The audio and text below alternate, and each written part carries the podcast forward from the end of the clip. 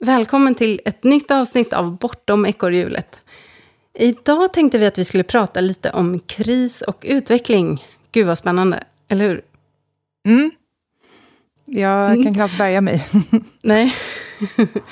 Det är ju en sån period nu. Det är sommar och långledigt för många och man kanske har börjat faktiskt landa och fundera igenom saker och ting och vad man ska tillbaka till under hösten. Och vi tänkte att vi skulle prata lite om det här med lågintensiva utvecklingskriser på förekommen anledning. Mm, precis. Som vi ju båda har gått igenom ett antal av mm. och kommit ut på andra sidan. Ja, och vi tycker lite att det, det är ju de som ofta leder till de här förändringarna i livet. Som förhoppningsvis är till största delen positiva. Precis, det känns ju nästan som att det är en förutsättning för att, eh, åtminstone om man ska göra lite större förändringar, då behöver man ha sig en liten kris först. Ja, det var väl Emilia som rekommenderade en livskris eller två. Ja, precis. ja, så det tänkte vi prata om idag. Hur kan de vara? Vad kan de leda till? Och hur kan man hantera dem när de kommer? Ehm, så häng med. Nu eh, krisar vi. When your life's been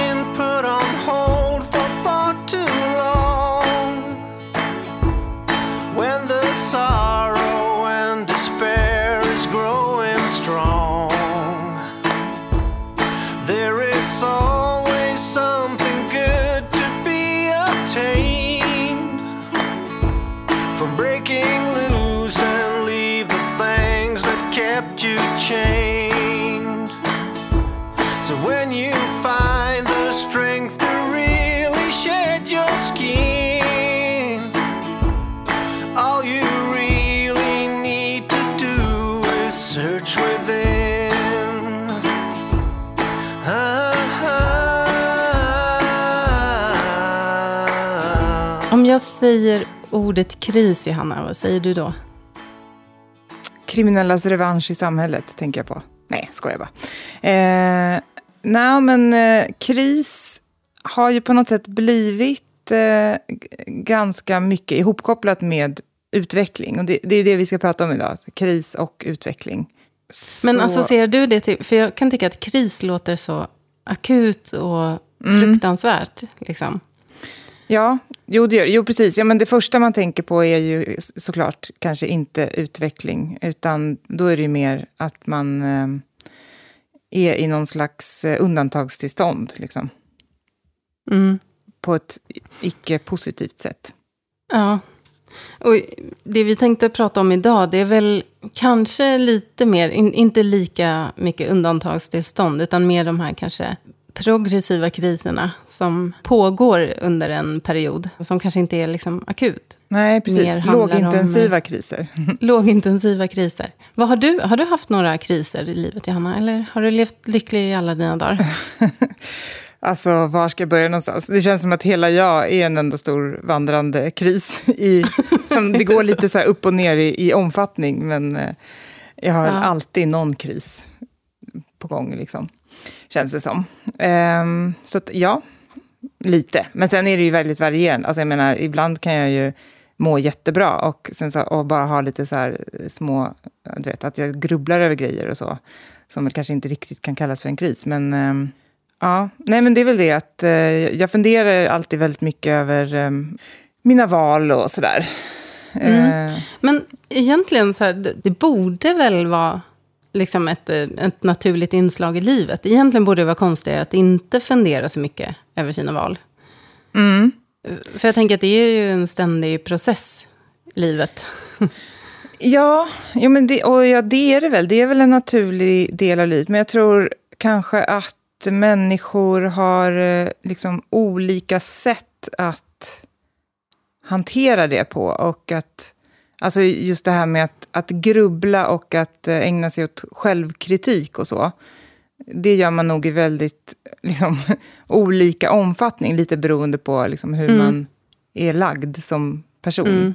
Jag tänker på eh, vår kära första gäst, Sara Renne, som, ja, eh, som vi båda var så fascinerade över det här med att liksom, hon inte ser på saker som misslyckanden. Alltså om det är något mm. som inte har blivit som hon har tänkt, då är det bara, aha, men det blev så istället. Och det, blev, det var ju jättebra det också, för då lärde jag mig något. Alltså, hon verkar ju vara en sån person som inte hänfaller så mycket åt lite mer negativa grubblerierna och att hålla på och ifrågasätta sig själv hela tiden. Som jag tror att vi båda gör ganska mycket. För en kris kanske är, handlar mycket om en omorientering i sitt jag eller i, i sin, sitt förhållande till omvärlden. Och, skulle man mm. kunna säga det så? Att det är mer, mm. det är mer inåtvänt?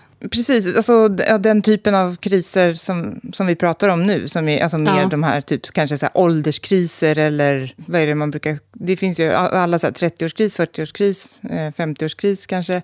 Och sen har vi ju liksom... Eh, man, man, kanske har så här förhållandekriser och sånt. Eh, men mm. sen finns ju de, alltså, också såklart helt andra typer av kriser som är mer så här... Om man hamnar Att någon, någon dör eller? Precis.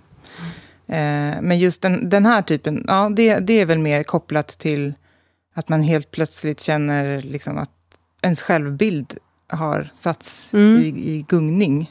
Ja, och det är den man utgår ifrån för allt egentligen. Alltså ja. ens relationer och vart man ska och ja, men vad man tycker om sig själv. Alltså självbilden är ju så styrande. Så det är klart att när den kommer i gungning eller är suddig i kanterna, då, då blir det ganska jobbigt. Liksom att, att omrelatera sig till allt. ja.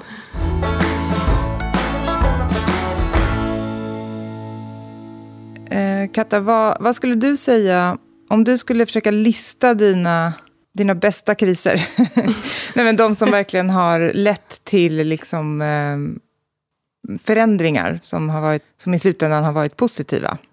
Ja, jag hade ju en eh, strax innan jag skulle fylla 30. Då började jag ifrågasätta, eller jag började vara tillsammans med min första pojkvän från jag var 17 till jag var 27. Och, så, och vi hade bott i radhus och vi hade liksom varit på Ikea och köpt startkit och allt det där. Lekt vuxna. Någonstans när jag var, ja, men när jag var typ 26-27, då började jag så här, för jag hade liksom en äventyrare inom mig och jag ville flytta in till stan och jag ville resa. Och han ville mer slå sig till ro och eh, vara kvar i hemkommunen, om man säger. Och jag eh, hade samtidigt så börjat göra lite karriär. Fast jag var liksom i en bransch som inte alls jag var intresserad av egentligen, i finansbranschen.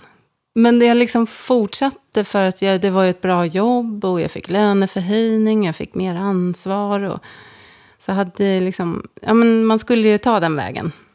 Men till slut så började jag väl lyssna mycket mer på, på liksom, dels att, ja, vart jag på väg i karriären. Att de tankarna liksom började, istället för att bara vara en känsla i kroppen, så började jag liksom aktivt så här, fundera, bara, måste jag göra det här? Eh, och så började jag också liksom, lite parallellt eh, ifrågasätta relationen. Och den, den var ju, det var ju verkligen så här, de formativa åren. Och det, kändes, det var ju som en institution. Det var jättelång tid att ha varit tillsammans i åtta, nio år i den åldern. Mm, absolut. Det var, det var en väldigt jobbig kris, kan man säga, liksom, som pågick i flera år. Ja, för det var väl lite som att du stod vid eh, så här, vägskälet. Liksom. Och antingen var det så här, barn, skaffa typ radhus, ja, fortsätta ja. på den här trygga yrkesbanan. Eller att bara, nej, men, eller ja, att du bara skulle slå dig så. fri och liksom, ja. Men det var väl något inom mig där som gjorde uppror. Jag kommer ihåg att jag och min kusin startade ett band som spelade typ melodiös hårdrock. Och ja, samtidigt Ember. På, ja, precis. det, det blev ingen stor karriär av det. Men, eh, ja, men så till slut så ledde det där till att jag separerade. Alltså vi flyttade isär, för jag köpte den där lägenheten i stan som jag ville ha. Sen gjorde vi slut kanske ett halvår efter det. Och sen året efter det så sa jag upp mig från mitt jobb och reste i fem månader. För att liksom, dels bara känna att det är möjligt. Jag liksom hyrde ut lägenheten och så tänkte jag bara så här, när jag kommer hem, om jag inte får ett jobb jag vill ha, då får jag ta vilket jobb som helst. Bara jag får in hyran, liksom, det, det löser sig. Och det var liksom första gången jag började tänka så, så här, det löser sig.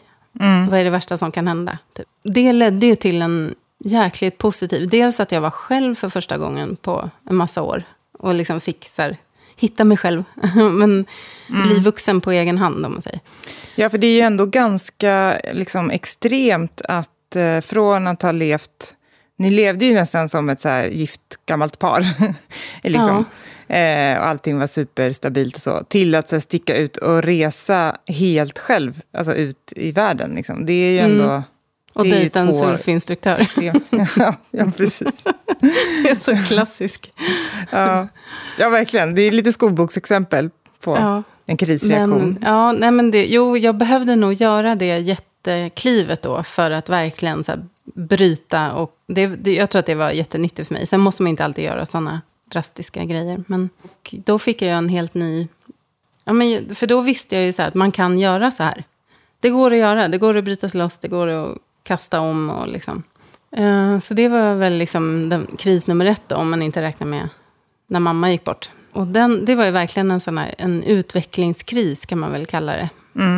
Ja, och Men, som eh, du sa, eller nämnde lite också, att jag tror man växer ju väldigt mycket också som person av att ha gjort en sån där grej. Just att ha vågat att bryta sig Mm. loss och bara sätta allt på spel. Liksom.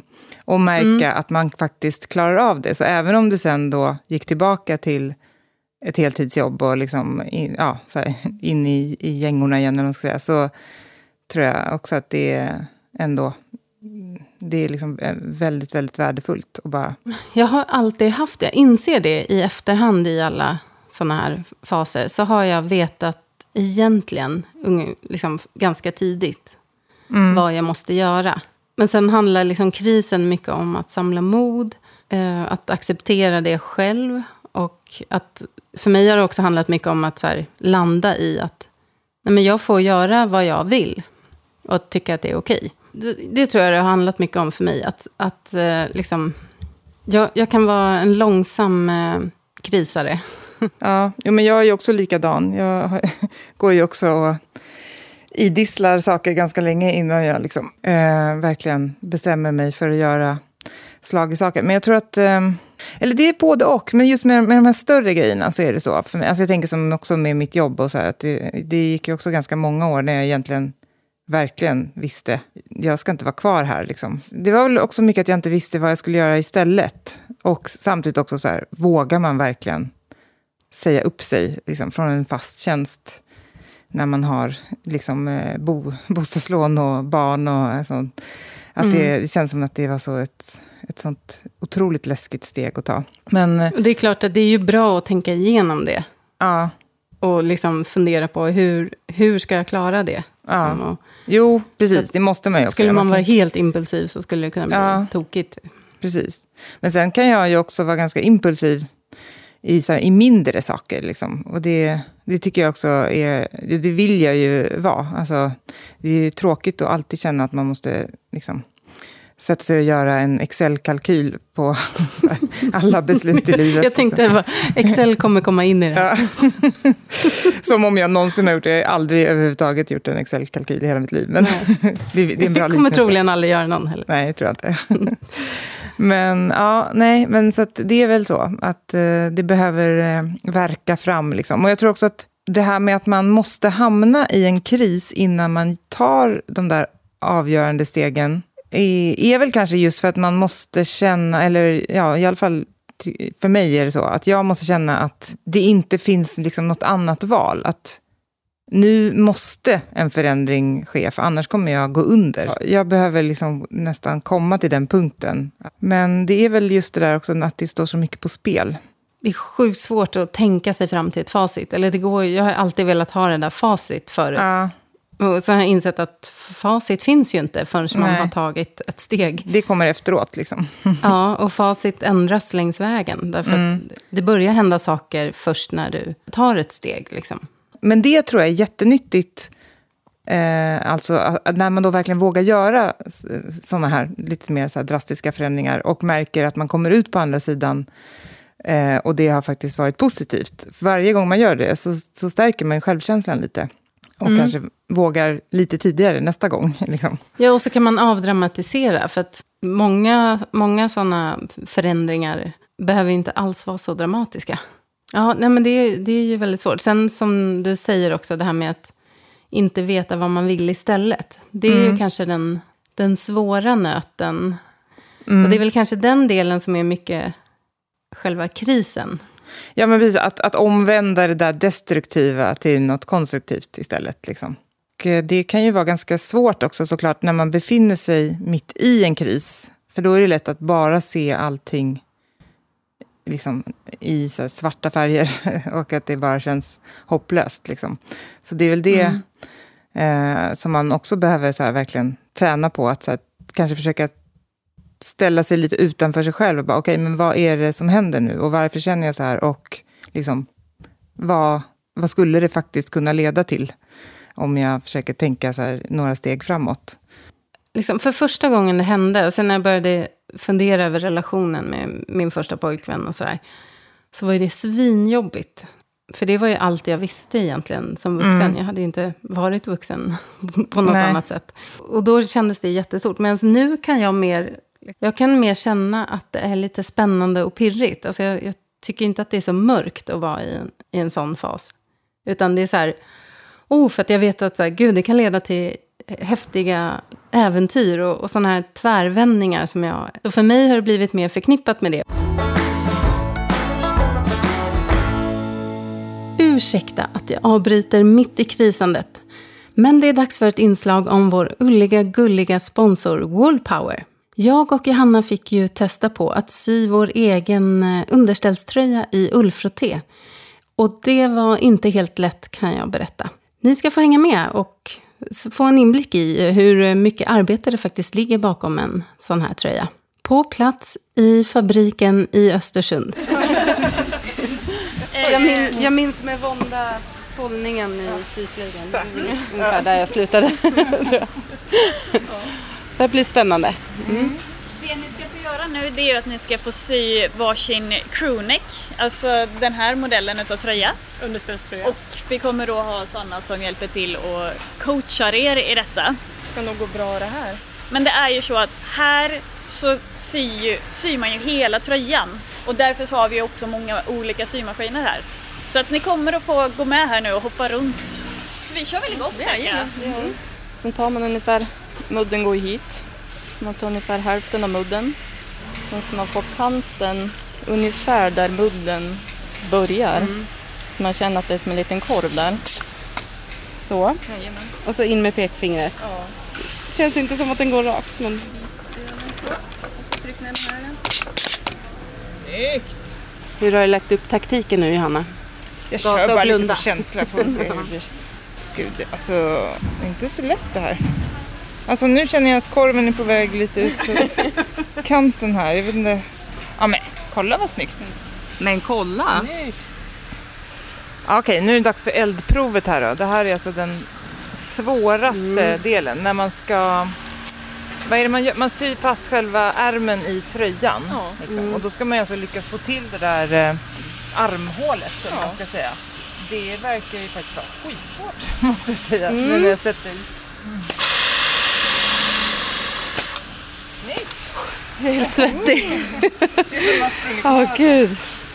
Jag vill prata om det här med att man är ganska frånkopplad från naturen idag. Också något som slår mig nu när vi är här och syr, det är att hur frånkopplad man är faktiskt från produktion av många saker också. Att inte, man förstår inte riktigt hur mycket jobb det egentligen är. Nej, Nej men så är det ju. Alltså, många är ju idag ute efter att man ska köpa billiga kläder eller det ska vara prisvärt. Och, och där är det ju kan vi ju få att våra produkter är dyra. Men då får man också tänka att vi har en textilindustri i Sverige där alla våra sömmerskor och all vår personal går på svenska avtal. Alltså, vi kan ju aldrig jämföra oss med lönesättningen som finns majoriteten av alla textilindustrier som produceras i Asien. Och de lönerna som finns där, det är inte acceptabelt att man ska ha så dåligt betalt för som ni märker så är det ju verkligen ett hantverk. Mm. Ja, man ska ha respekt för sina plagg och det man tar på sig. Och jag undrar hur många som faktiskt lagar sina plagg idag? Jag tror att de flesta slänger när det är trasigt och köper nytt. Så vi slår ett slag för det? Ja, det Mer återbruk och lagning och ja, men, satsa på färre plagg. Hellre ett plagg som håller i tio år Just de här tröjorna som jag och Johanna syr kan vi inte garantera hållbarheten på. Men alla era övriga plagg är av betydligt högre kvalitet. Jag tror att de här kommer hålla också.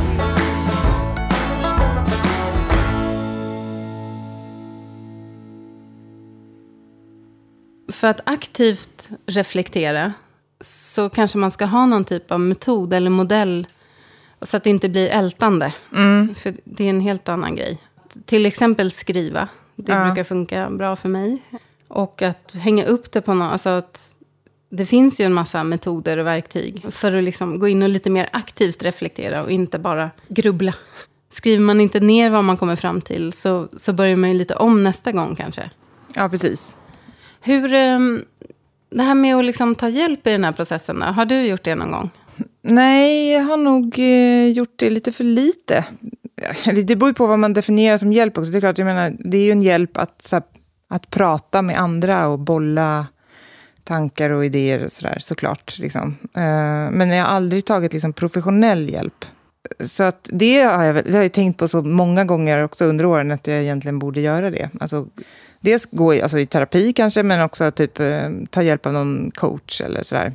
Motivationen har väl Nej, för det har jag funderat på nu. Jag har inte heller gjort det på det sättet. Alltså när jag var på mitt förr, förr, förra jobb, då fick jag gå någon sån här um, ungt ledarskap utveckling. Ja, eller just det. Ja. Mm. Och eh, då fick vi en...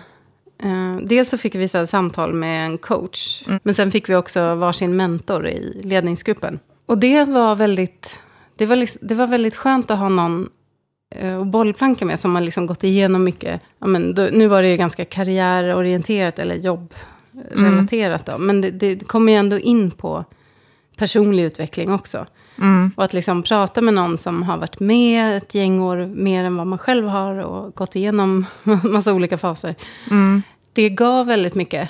Och det där kan jag tycka är jobbigt nu. Att jag, just nu går jag mest bara om mal, så här, som jag inte ska göra. Och pratar inte strukturerat med någon. Och det tror jag är en jättebra hjälp. För att dels bara så här, kategorisera. För det är lätt hänt när, när en sak börjar mala. Att, man liksom, att det spiller över på alla områden. Och att det blir helt ostrukturerat. Och helt plötsligt så känns allting Ja, så här, uppe i luften. Liksom. Då har man vänt på alla stenar och börjat ifrågasätta. Men, och därför kan det vara bra att också prata med någon för att få hjälp att strukturera. Så här.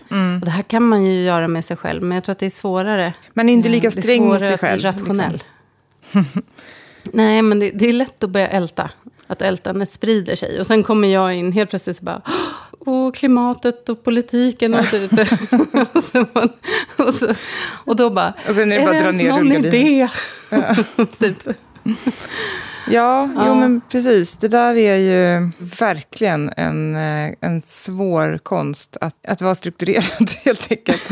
Ja, men i tanken framför allt känner jag. Ja. Här, att, alltså tankarna kan flyga så ostrukturerat. Mm. Och det är väl liksom också en styrka. Men, men det kan ju vara ganska Kreativt. jobbigt att ligga en i fatet när det handlar om livsbeslut.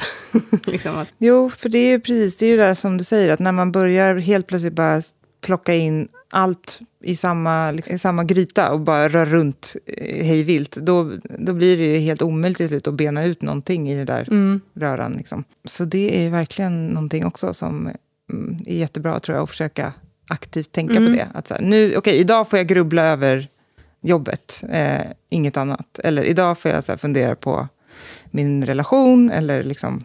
jag, har, ehm, jag har ju en metod eller modell med mig. Det, de fyra benen. Det var tre ben från början, men sen lade jag till ett. Och då var det så här, jobb, relationer och boende. Och sen eh, lade jag till hälsa. Det är ingen unik modell, men alltså jag brukar tänka så. När, just när det handlar om förändringar. Och, beroende på vilka ben det är. Men, för de har ju olika tyngd såklart. Om liksom två ben är väldigt stabila. Säg att eh, relationer och, och hälsa är stabilt då kan man kanske våga sig på att byta jobb eller boende.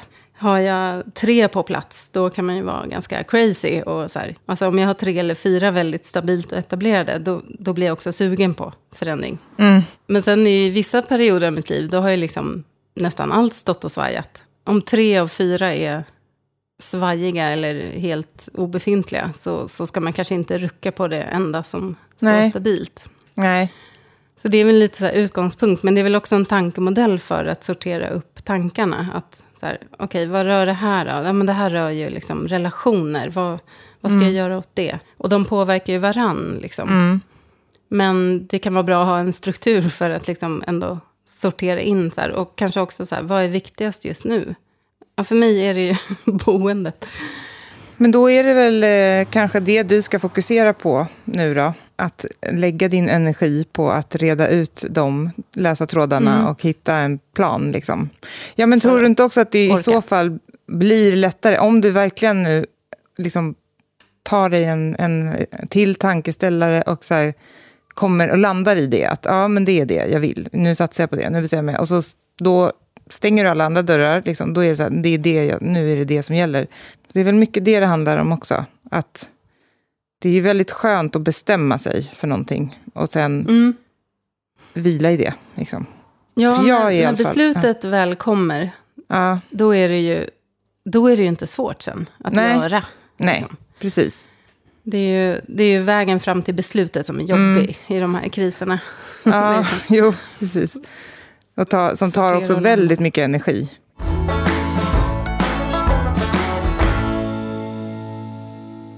Vad har du lärt dig av, eh, av dina kriser? Jag är nog eh, mindre rädd för att eh, ompröva saker nu. Alltså, jag har också lärt mig att det behöver inte landa i... Eller rättare sagt, det man först tror att, att det är det man ska göra, eh, det behöver inte bli så. Men det kan ändå fortfarande vara ett, ett väldigt positivt utvecklingssteg. Och så har det ju lite grann varit för mig nu med alltså, yrkes, yrkeslivet, eller vad man ska säga.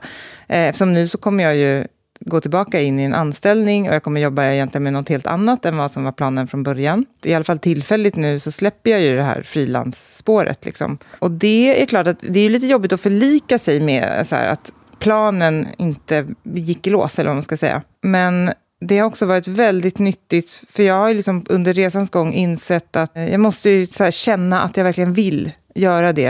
Eh, Det var ju därför, det var så det började, att jag kände att jag måste lyssna på magkänslan och jag måste liksom brinna för det jag jobbar med och tycka att det är kul. Och eh, nu har jag liksom också insett att det är svårt, tror jag, att jobba som så här, copywriter och skribent utan att det, det är för mycket som är så bitar som jag inte riktigt liksom trivs med. Det är svårt att hitta, renodla det jag verkligen tycker om att göra liksom, i den processen. Och sen så känner jag ju att det här jag ska göra nu är någonting som jag verkligen, verkligen, jag tycker det verkar helt fantastiskt och jättekul. Det som ju såklart då är det negativa är, och det som ju inte var min plan från början, är ju just att vara anställd och att inte kunna styra min egen tid så mycket. Så då går jag ju Men tillbaka då får du in ju det. prova det och se liksom, Ja, men det precis. funkar. Eh, och det är väldigt nyttigt. Och samma, jag hade ju samma resa lite, för jag fick en sån väldigt stark... Ja, men det var ju egentligen det var ju alla bitar i livet, förutom kanske relationen i första hand. Men för några år sedan, när jag helt plötsligt insåg att så här, jag vill inte bo i stan. Liksom. Jag vill inte leva det här Stockholmslivet. Ja, men så här, jag vill inte ha det här stresser och bilköer 9 till 5. Jag vill inte bo i en stadsmiljö. Jag vill liksom va- vara ja, så här, på landet. Jag vill ha djur nära mig. Jag vill ja, vara fri och styra min egen tid och allt det där. Det satte ju igång en jättestor process och kris. Och det blev liksom jobbigt med relationen och allting eftersom helt plötsligt så var vi på helt olika ställen. Det, då kastades ju allting upp i luften kan man säga. Och sen nu så har vi landat i vi bor fortfarande kvar. Jag har ju gjort en massa förändringar liksom med andra bitar, med att jag sa upp mig. Jag har liksom varit, jobbat, liksom varit hemma nu ett helt år och liksom kunnat så processa en massa grejer. Eh, så egentligen så har ju inte så mycket förändrats. Eh, men det är mer att jag känner att ehm, jag är ändå så här mer tillfreds nu. Och nu så kan jag liksom se saker på ett annat sätt. Att så här, vi, det kanske inte är realistiskt att vi ska flytta ut på landet, hela familjen, just som våra liv ser ut nu, alltså med barnen och allt sådär heller. Men vi kan titta på olika möjligheter och helt plötsligt så kanske vi hittar någonting som... Ja, Ehm. plus att du har ju, det har ju lett till att du har fört in mer av det som eh, livet på landet innebär i Ja, din stadsvardag. Mer hästar, vi har skaffat hund. Ja, precis. Jag känner att jag har närmat mig ändå de bitarna. Fast på ett helt annat sätt än vad jag hade tänkt från början. Liksom. Det är väl det som tror jag kanske är de största lärdomarna av mina stora kriser. Att det kanske inte nödvändigtvis blir eh, den förändringen som man vill ha från början. Men eh, det är ändå väldigt nyttigt att bara liksom, ja, gå igenom hela byken på något sätt. Och sen så eh, kommer man ut på andra sidan och eh, har fått en massa insikter och erfarenheter och eh, förhoppningsvis kanske lite så Mm. klokskaper med sig på vägen. Oavsett om resultatet blev. För det är ju egentligen det mest naturliga att göra en sån totalöversikt. För alltså man förändras ju jättemycket med åren.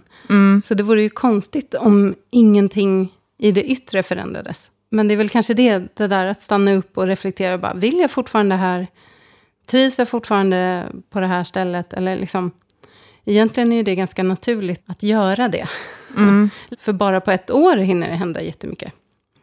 Men vad, vad hinner då inte hända på fem år? Och sen så råkar man bara så här fortsätta. För att man inte tar sig den där tiden. Så det, jag tror att det är väldigt sunt. Hur ska vi summera den här fladdriga kriskonversationen då? Ja, men att de här, de här lågintensiva kriserna är väl... Det är väl man kan väl säga så här, välkomna dem. De är jobbiga, men de leder ju oftast till en bra förändring för att man tvingas gå igenom, alltså omorientera sig själv. Men också det här kanske att, att föra in lite struktur i det och inte ta allt på samma gång. Försöka rensa och särskilja vad som är vad. Vad är grundproblemet eller vad man ska säga. Och vad är följdeffekter? För Ja. Man kanske ska börja på rätt ställe.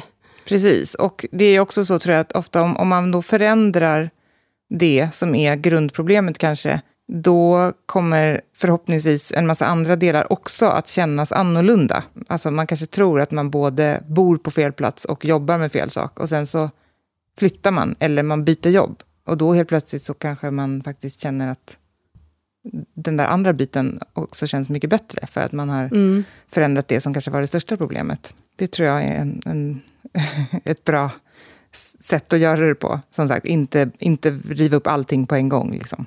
Att det, kan vara svårt i vissa stunder, så här, men att det är möjligheter, det är spännande. Och det beror på hur man är lagd kanske, men jag tycker att det är, det är kittlande att det faktiskt går att förändra saker. Och sen glöm inte hälsan i allt det här. Jo, absolut. Och det är ju väldigt lätt att, man, att det är det första som får stryka på foten. Ja, och så kanske det är så här, ja, jobbet, eh, det är jobbet det är fel på, eller eh, det är relationen det är fel på. Men det kan ju kanske vara också att man inte har byggt in tillräckligt med hälsofrämjande rutiner i sitt liv. Det kan faktiskt vara där, att jag får ingen återhämtning. Nej, Men när jag väl precis. får det, då funkar jobbet och relationen toppen. Ja, åtminstone funkar det mycket bättre förmodligen. Sen Ja. kanske det inte är hela lösningen. Men jag tror också absolut, det är ju en väldigt viktig Mm. pusselbit. Sen vore det ju superintressant såklart att höra vad våra kära lyssnare har varit med om och Precis. lärt sig av olika kriser och utvecklingssteg. Gå Mm. loss i, i gruppen. Bortom Mm. ekorrhjulet, när, var, hur heter den. Precis, vår Facebookgrupp. Eller så det går ju såklart bra att um, höra av sig. Skicka ett eh, PM eller DM eller eh, ett helt vanligt mejl kan man också göra om man vill det. Mm. Men ehm, Ja, för jag tror som sagt att det är många, att under sommaren är det nog många som har tänkt.